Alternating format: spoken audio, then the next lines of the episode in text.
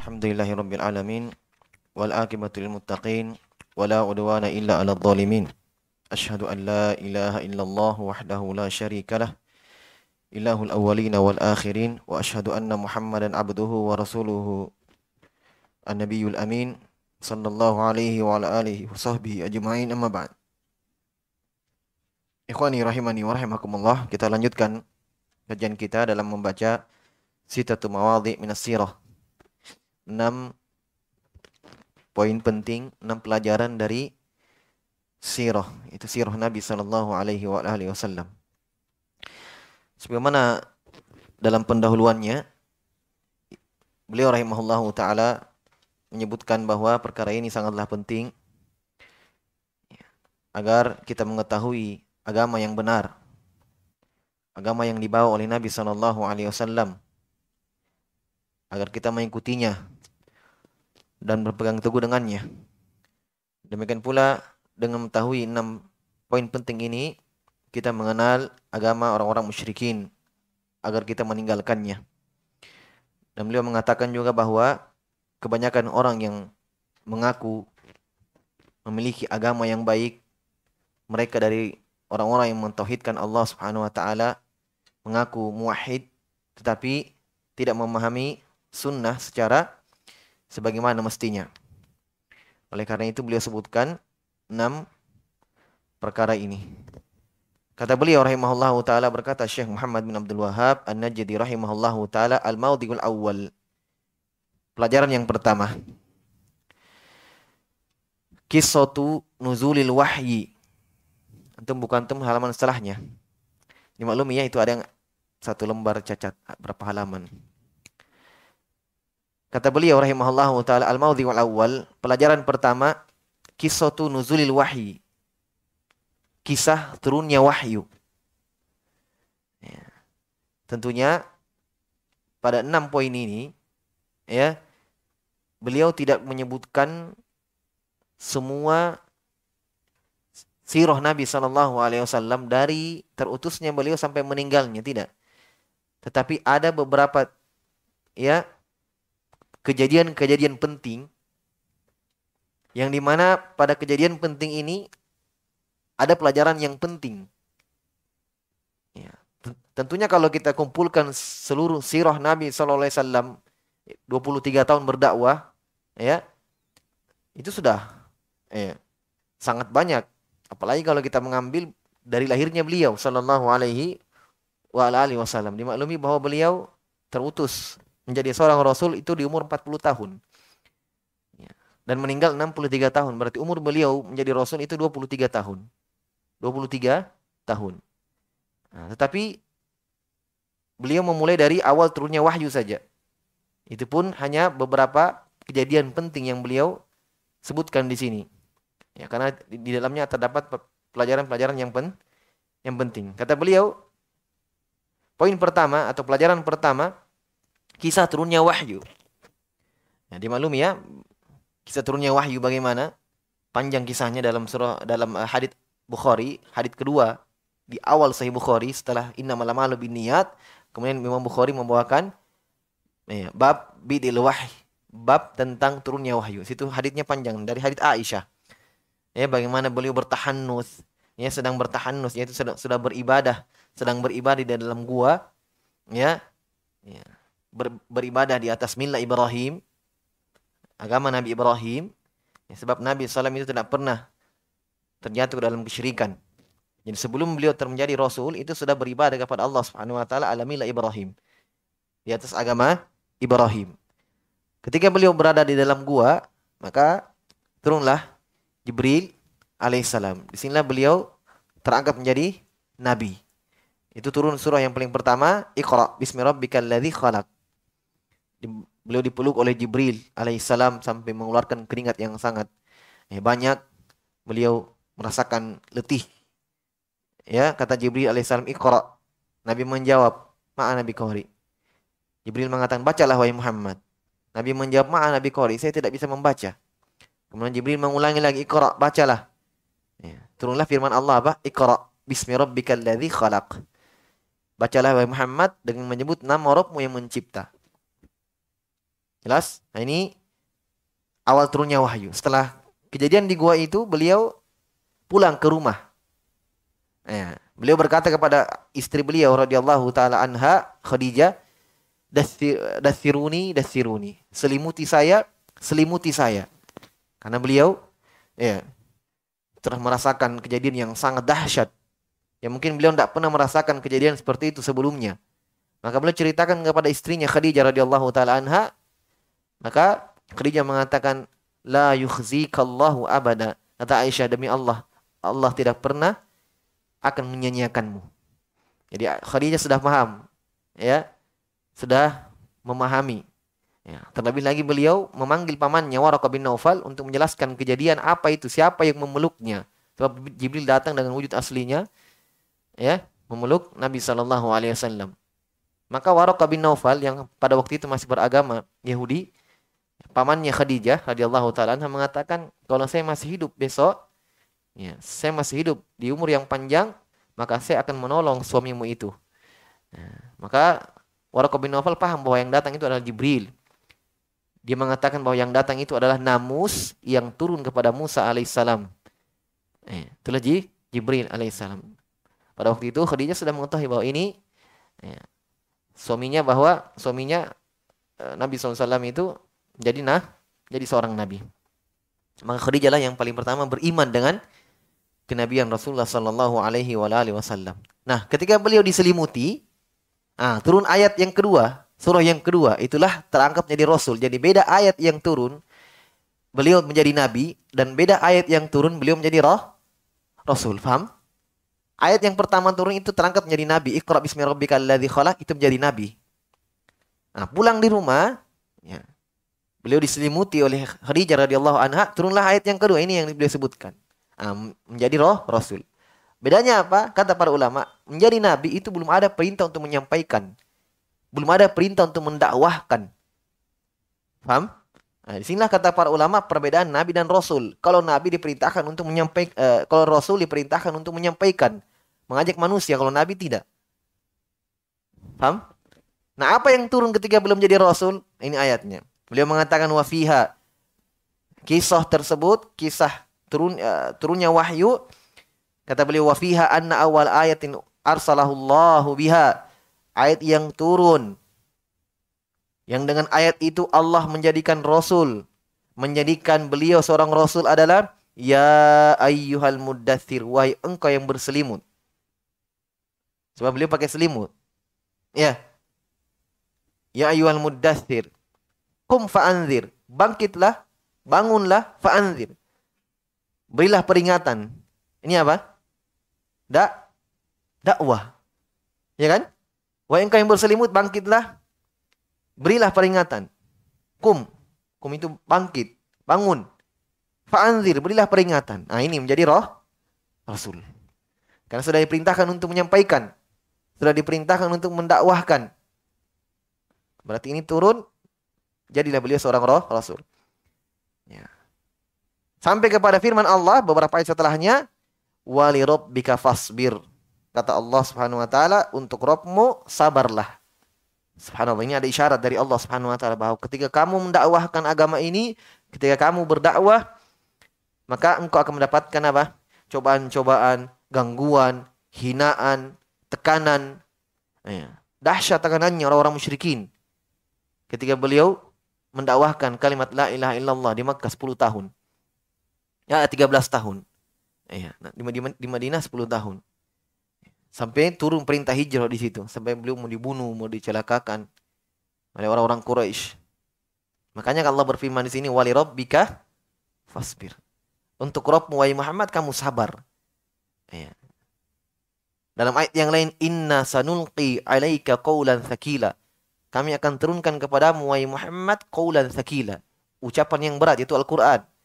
Di antara tafsirnya kata para ulama ucapan yang berat yaitu ketika kamu ajarkan Al-Quran ini kamu dakwahkan kepada manusia, kamu akan mendapatkan tekanan, kamu akan mendapatkan celaan, cemooh. Kamu bersabar. Inna sanunki alaika qaulan sakila.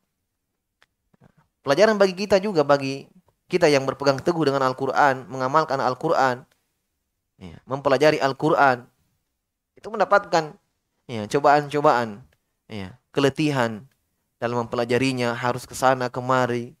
Ya, sudah seperti itu. Memang Al-Qur'an itu kaulan sakila. Allah sudah katakan bahwa Al-Qur'an dan wahyu Allah Subhanahu wa taala itu sunnah kaulan sakila. Ucapan yang berat. Ya. Ketika dituntut, dicari, itu butuh pengorbanan. Ya. Karena Nabi mendakwahkannya, awal turunnya saja lihat, awal turunnya beliau sudah merasakan ya, perasaan yang berat. Ya, beliau dipeluk sakit. Ya, sampai keluar keringat beliau, ketakutan. Ini siapa yang datang? Ya. Jelas ya? Ini menunjukkan bahwa orang-orang yang berpegang teguh dengan Al-Quran, maka siap menghadapi ya, cobaan-cobaan hidup. Dia siap untuk bersabar. Siap untuk bersabar. Nah, pelajaran apa di sini kata Syekh? Perhatikan baik-baik bukunya. Fa idza fahimta annahum yaf'aluna asya'a katsirah.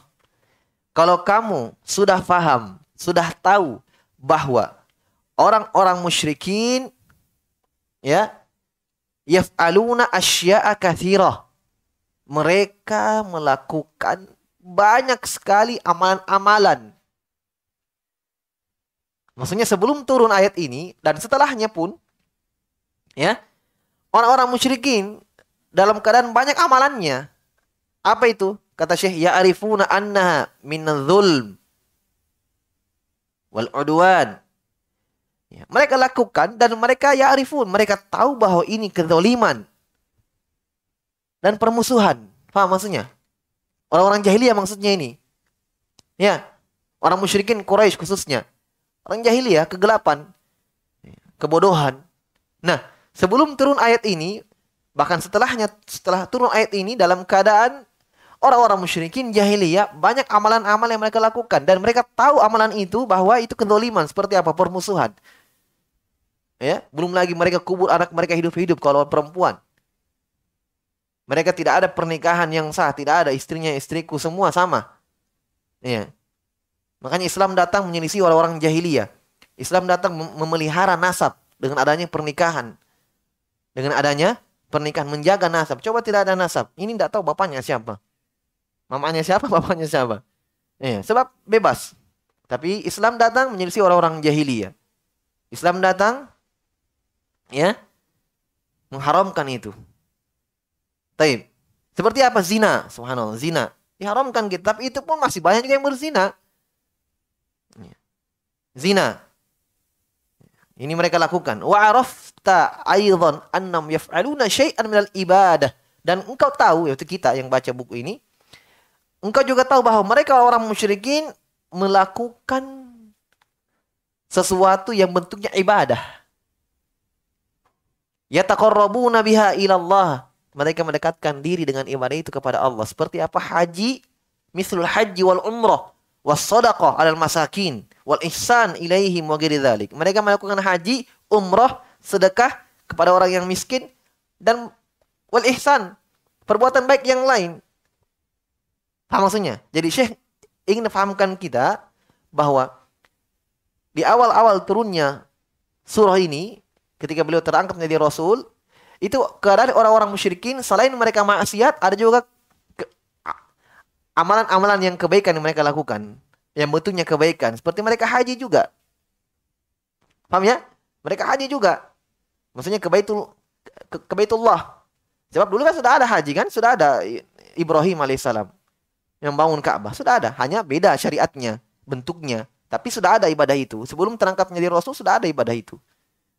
Sedekah sudah ada. Ya, bantu orang miskin. Ya. Jelas ya?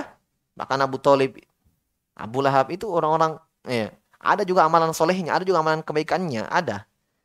Ya. Mereka kalau jamaah haji datang, itu mereka beri makanan. Abu Talib, Abu Lahab. Ya. Jelas ya? Jadi ini keadaan orang-orang musyrikin. Wa ajalluhum indahum syirku dan yang paling besar ya, yang ada pada mereka adalah kesyirikan. Maksudnya zina itu itu dosa, tapi yang paling mengerikan yang ada pada mereka adalah kesyirikan. Jadi orang-orang musyrikin sudah bermaksiat, berzina, ya. ya.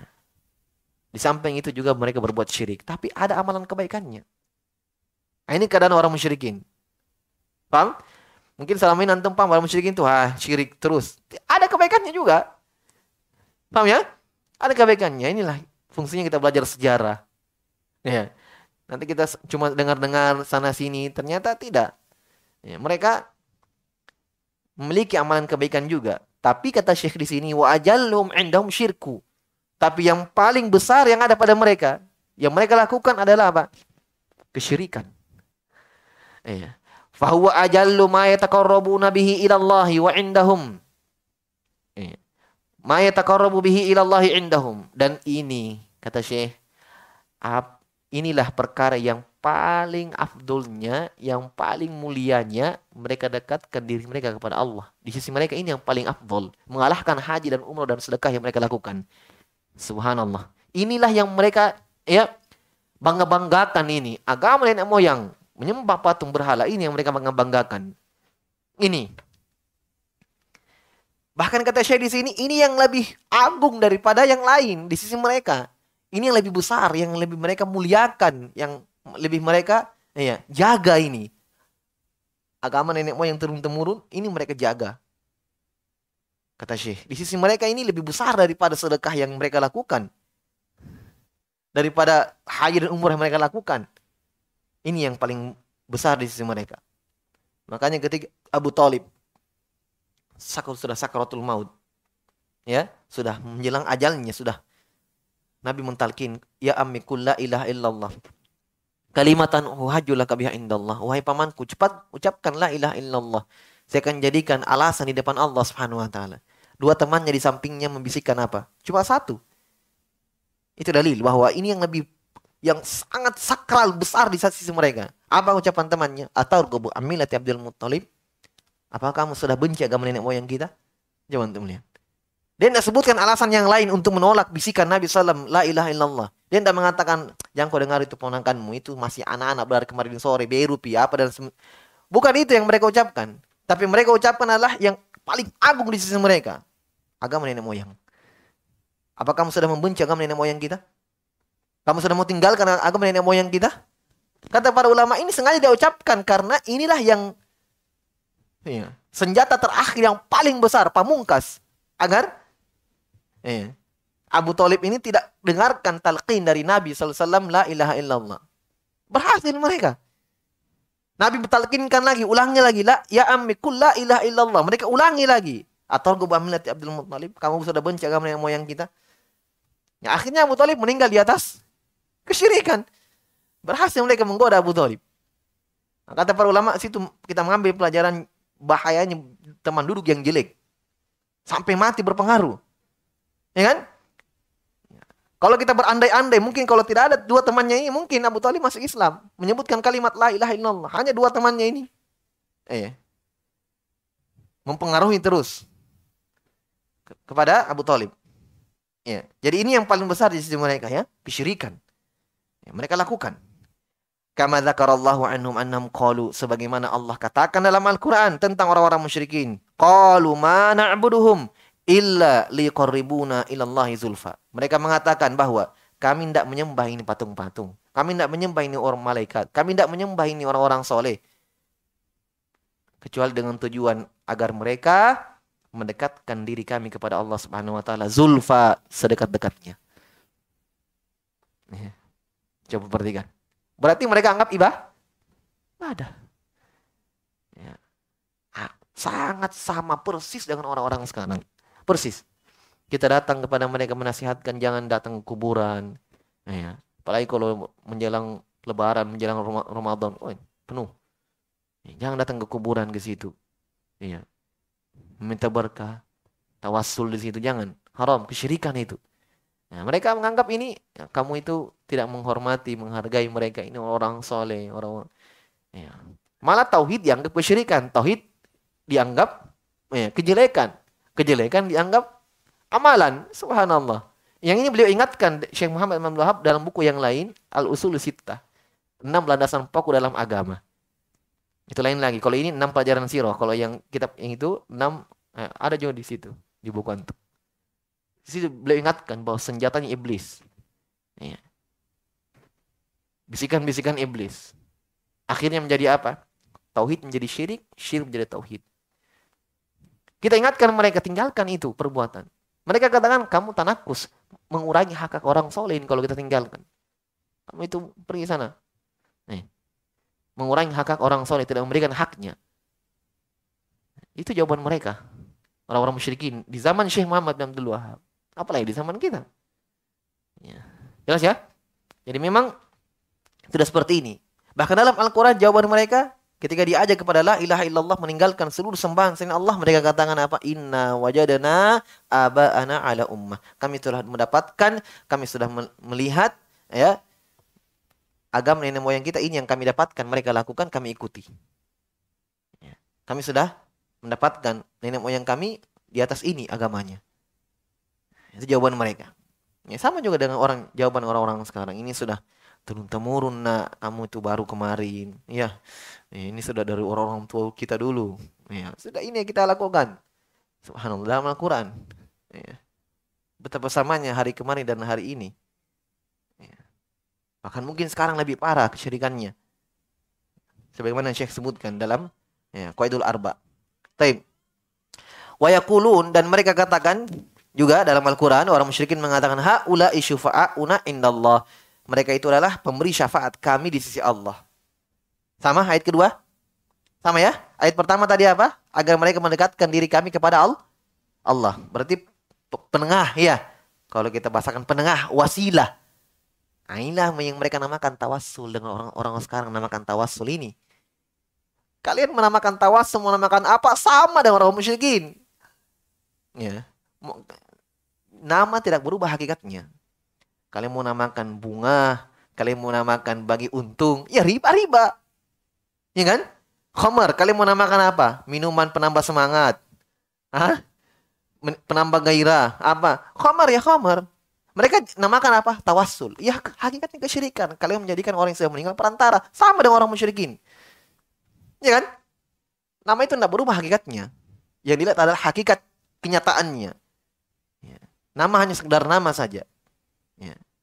Sampai mereka mengatakan, apa itu sana? Salafi. Iya. Menolak tawasul. Tidak ada tawasul. Siapa yang mengatakan tawasul tidak ada? Ada tawasul.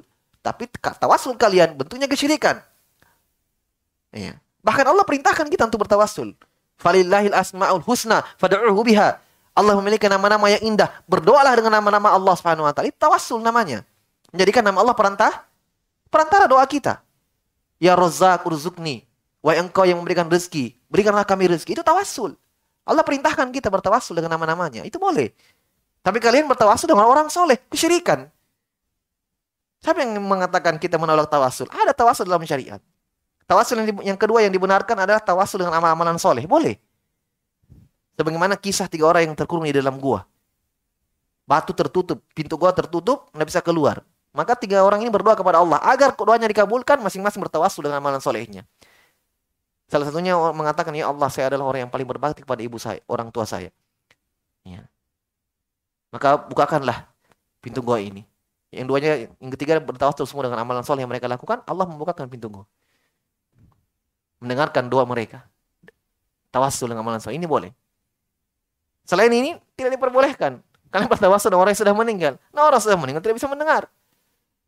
Tidaklah datangnya kalian ke kuburan, tidak tidaklah datangnya kalian tawafnya kalian di kuburan atau datangnya meminta di situ berarti kalian memiliki keyakinan bahwa seakan-akan doa kalian didengarkan oleh orang-orang yang sudah meninggal ini. Itulah kesyirikan. Ya. Kalian meyakini dalam hati kalian bahwa ada yang bisa mendatangkan atau menolak bahaya selain Allah Subhanahu wa taala. Itulah hakikat kesyirikan. Hakikat kesyirikan.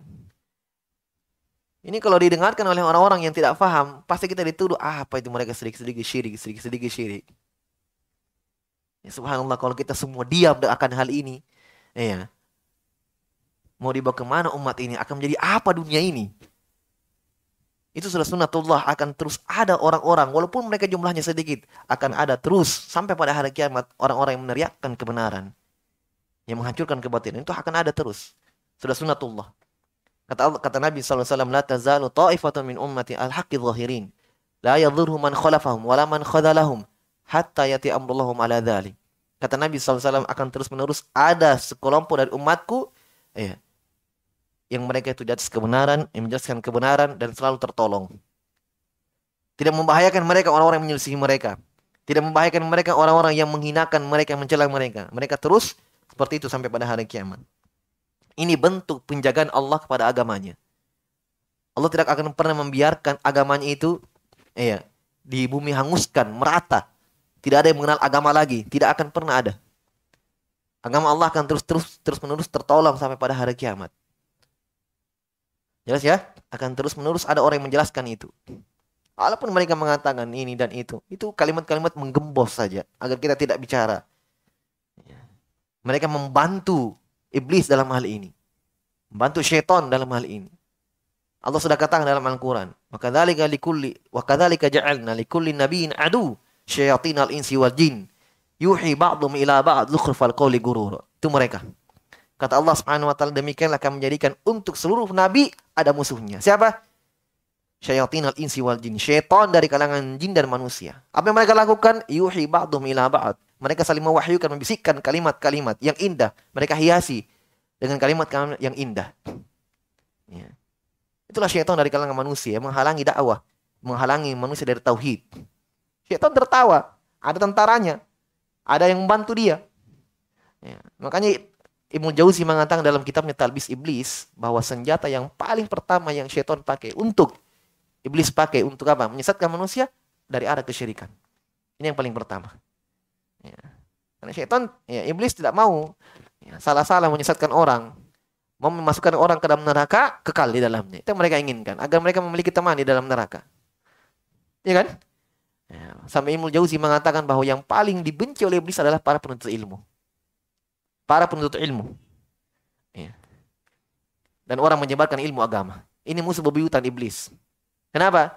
Karena dengan alul ilm, para ulama, penuntut ilmu, ya, mereka yang menjelaskan kepada manusia tentang hakikat kesyirikan. Apa itu tauhid? Apa itu sunnah? Apa itu bid'ah? Ya, maka dengan ini mereka merasa ya, tidak bisa bergerak banyak. Ya, orang sudah paham tentang tauhid, tentang syirik. Ya, makanya kata Nabi SAW, Inna syaitan kalau ya'isa ayyabdu fi jazidil Arab. Kata Nabi SAW, syaitan ini sudah putus asa untuk disembah di Jaziratul Arab. Kenapa? Karena Jaziratul Arab sudah menjadi negeri tauhid. Ketika Mekah ditaklukkan, selesai. Nah, ya. Idza ja'a nasrullahi wal fath. Ketika datang pertolongan Allah dan pembukaan. Wa ra'aitan nasa yadkhuluna fi dinillahi afwaja. Engkau sudah melihat manusia wahai Muhammad masuk berislam berbondong-bondong. Ada lagi kesyirikan. Di bumi hanguskan itu kesyirikan habis. Ya. Kata Nabi SAW, syaitan sudah putus asa untuk dia disembah di Jaziratul Arab. Apa senjata berikutnya? Walakin bitasyir bainahum, bainakum. Tapi syaitan sekarang menjalankan apa? Tahrish. Ya, mengadu domba antara kalian. Makanya setelah Nabi meninggal terjadi fitnah di kalangan sah sahabat. Berperang di antara mereka. Itu yang mereka lakukan. Melalui lagi-lagi ada tentaranya. Orang-orang munafikin. Itu kan orang-orang munafikin yang menyebarkan Aisyah berzina. Orang-orang orang munafik. Ini dan itu. Ada orang-orang munafik yang memecah belah sahabat. Hmm. Jadi terus menerus mereka berusaha. Taib.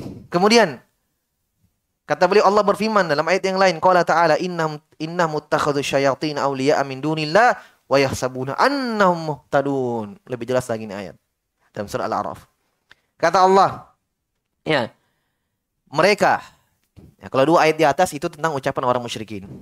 Ya, kami tidak menyembah kecuali mereka ini sebagai pemberi syafaat. Tapi ini ayat yang ketiga menjelaskan keadaan mereka. Kata Allah, mereka menjadikan syaitan-syaitan sebagai wali-wali. Kekasih mereka. Yang mereka cintai, mereka agungkan, mereka besarkan. Selain Allah. Ya, padahal Allah wali kita. Ya kan? Allah cuma Allah wali kita. Allahu waliul ladina amanu. Allah menjadi wali orang-orang yang beriman. Yukhrijuhum minadh-dhulumati ila nur yang mengeluarkan mereka dari kegelapan menuju cahaya. Allah Subhanahu wa taala, Maulana. Allah. Tapi mereka, kata Allah, mereka menjadikan syaitan syaitan sebagai wali. Maula maula mereka. Wali mereka selain Allah. Dan wa yahsabuna annahum muhtadun dan mereka menyangka bahwa mereka di atas hidayah.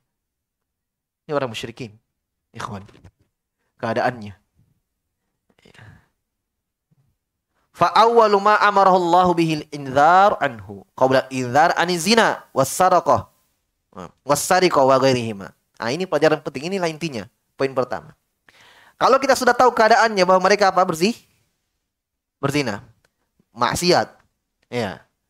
Maksiat yang lain yang tabarruj ada juga. Mereka keluar tanpa berhijab orang jahiliyah. Ya. Tapi Allah perintahkan yang paling pertama untuk diperingatkan kepada orang musyrikin. Pada ayat yang pertama turun tadi apa tadi? Kul uh, ya ayyuhal mudaththir kum fa'anzir. Kata Syekh, kamu melihat, lihat itu ayat bahwa kamu lihat ayat itu dan lihat keadaan orang musyrikin. Mereka ada zinanya, ada ininya, ada maksiatnya. Tapi yang paling pertama Allah perintahkan kepada Muhammad SAW. Qoblat inzar an zina. Sebelum memperingatkan mereka dari zina mereka. Dari mencuri mereka. Ini pekerjaan orang jahiliyah juga mencuri. Mengambil barang orang. Iya. Wa Sebelum dan selain itu. Iya. Paham? Dari mana kita ambil pelajaran ini? Dari ayat. Ya ayyuhal muddathir kum fa'anzir wa rabbaka fakabbir wa siyabaka fatahhir. Wa rujza fahjur. Kata Allah, wahai Muhammad, wahai engkau yang berselimut bangkitlah. Fa'anzir, beliau peringatan. Peringatan apa di sini yang di, diperintah oleh Nabi untuk memperingatkan orang jahiliyah? Dari zinanya? Hah? Dari mencurinya? Dari tabarrujnya perempuannya? Dari menguburnya mereka kubur anak hidup-hidup? Bukan itu wasiyabaka warujza fahjur. Patung-patung mereka hancurkan. Maksudnya apa? Peringatkan mereka bahwa la ilaha illallah. Itu yang Nabi pertama, pertama diperintah oleh Allah Subhanahu wa taala. Sebelum zina dan maksiatnya. Berarti pelajaran apa yang bisa kita ambil? Hah? Kesyirikan lebih besar daripada daripada apa? Daripada zina dan maksiat. Nah, ini yang inti poin pertama. Paham? Tapi subhanallah inilah yang tidak dipahami oleh kebanyakan manusia. Ya. Malah justru mereka menganggap kesyirikan adalah amalan soleh, amalan yang baik. Ya. Wa arafta anna minhum man ta'allaqa 'alal asnam wa minhum man ta'allaqa 'alal malaikati wa 'alal awliya min bani Adam. Kamu tahu juga bahwa mereka ya, ada di antara mereka yang bergantung kepada bergantung kepada patung-patung. Ya, meminta hajat di situ, datang di situ, meminta keinginan apa yang mereka inginkan. Kemudian kata beliau dan ada yang bergantung kepada malaikat. Mereka mengatakan malaikat apa? Banatullah, anak perempuan Allah. Tapi lebih lucunya lagi mereka apa? Kalau mereka, anak mereka lahir perempuan, mereka kubur hidup-hidup. Wa idza busyira adum bil untha dhalla wajhu muswadda wa kadhim. Yatawara minal qawmi min su'i ma busyira bi. Ajumsiku ala hunin am yadussu fi turab. Mereka kalau lahir anak perempuan mereka, mereka iya, dua pilihan saja. Membiarkan anak ini, anak ini hidup terus tapi menanggung malu atau kita kubur hidup-hidup. Mereka apa? Kubur hidup-hidup. Tapi mereka sandarkan anak perempuan kepada Allah, malaikat. Maka menyembah malaikat mereka sebahagiannya. Kata Allah, alakumul dzakaru wal untha tilka idzan qismatun dhiza. Kata Allah, apakah untuk Allah anak perempuan kalian anak laki-laki? Kata Allah, ini pembagian yang tidak adil. Ya, ini kadang orang musyrikin keadaannya. Dan di antara mereka ada yang bergantung pada para wali dari manusia. Jadi sembahan mereka apa? Ada yang malaikat, ada yang popok, ada yang uh, patung, ada yang wali-wali manusia. Wa ma nuridu minhum illa syafa'atahum dan mereka mengatakan kami tidak menginginkan kecuali syafaat mereka saja. Sama kan? Ya. Wa ma hadza bil inzari anhu fi ayatin arsalahu Allah biha fa in ahkamta hadhil mas'alata faya busyraka. Masyaallah. Kata beliau, bersamaan dengan itu Allah memulai dengan peringatan untuk memerintahkan nabinya untuk memperingatkan mereka di awal mudathir yang kita baca tadi ya untuk meninggalkan sembahan-sembahan mereka malaikat yang menyembah malaikat yang menyembah wali-wali dari kalangan Bani Adam yang menyembah ya, patung. Ini yang Allah perintahkan pertama. Kata siapa kalau kamu sudah tahu ini ya masalah ini faidah ini faya busyroka. Kabar gembira untukmu. Subhanallah. Ya kabar gembira untukmu Berarti pelajaran penting kita bisa ambil di sini bahwa kesyirikan adalah dosa yang paling besar. Iya. Dosa yang paling besar. Ini Allah peringatkan pertama dalam surah Al-Muddathir yang turun. Jelas ya? Baik.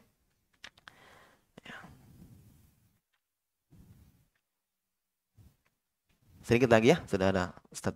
Khususan idza arafta anna ma ba'daha a'dham minas salawatil khams wa lam tufrad illa fi lailatil Isra. Sanata asyra ba'da hisari Syi'ab wa mauti Abi Talib wa ba'da hijratil Habasyah bisintain. Tilkal umur katsirah wal adawah al balighah kullu dhalika 'inda hadhil mas'alah qabla fardis salah rajautu an ta'rifa al mas'alata. Terakhir.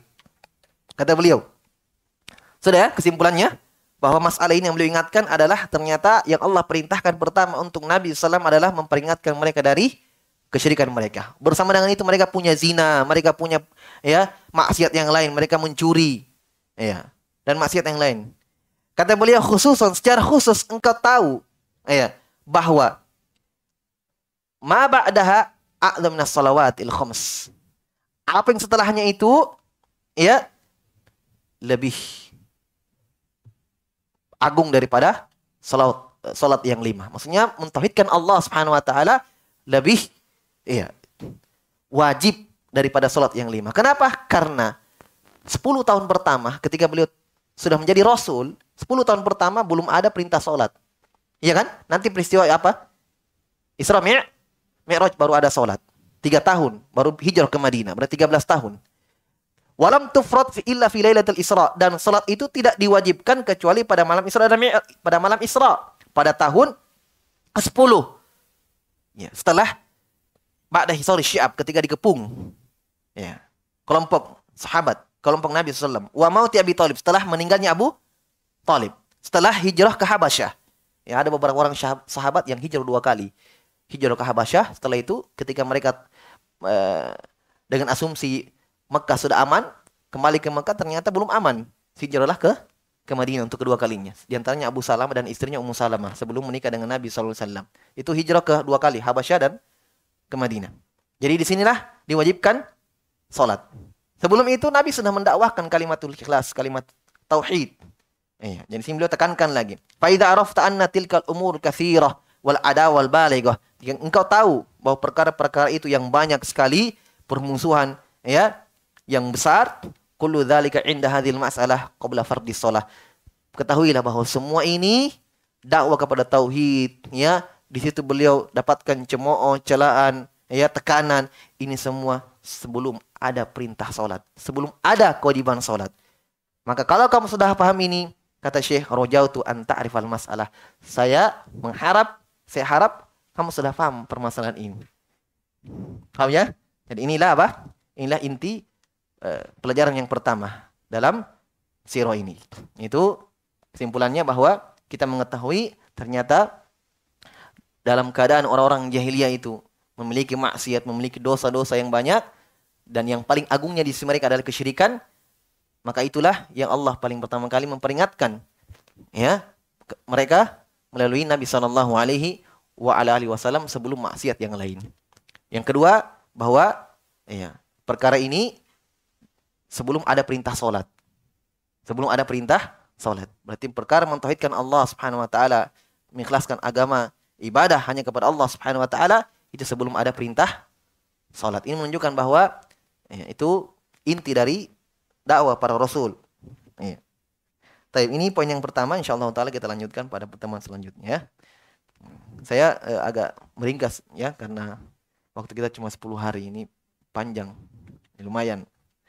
طيب نكتب بهذا القدر سبحانك اللهم وبحمدك أشهد أن لا إله إلا أنت أستغفرك وأتوب إليك وآخر دعوانا الحمد لله رب العالمين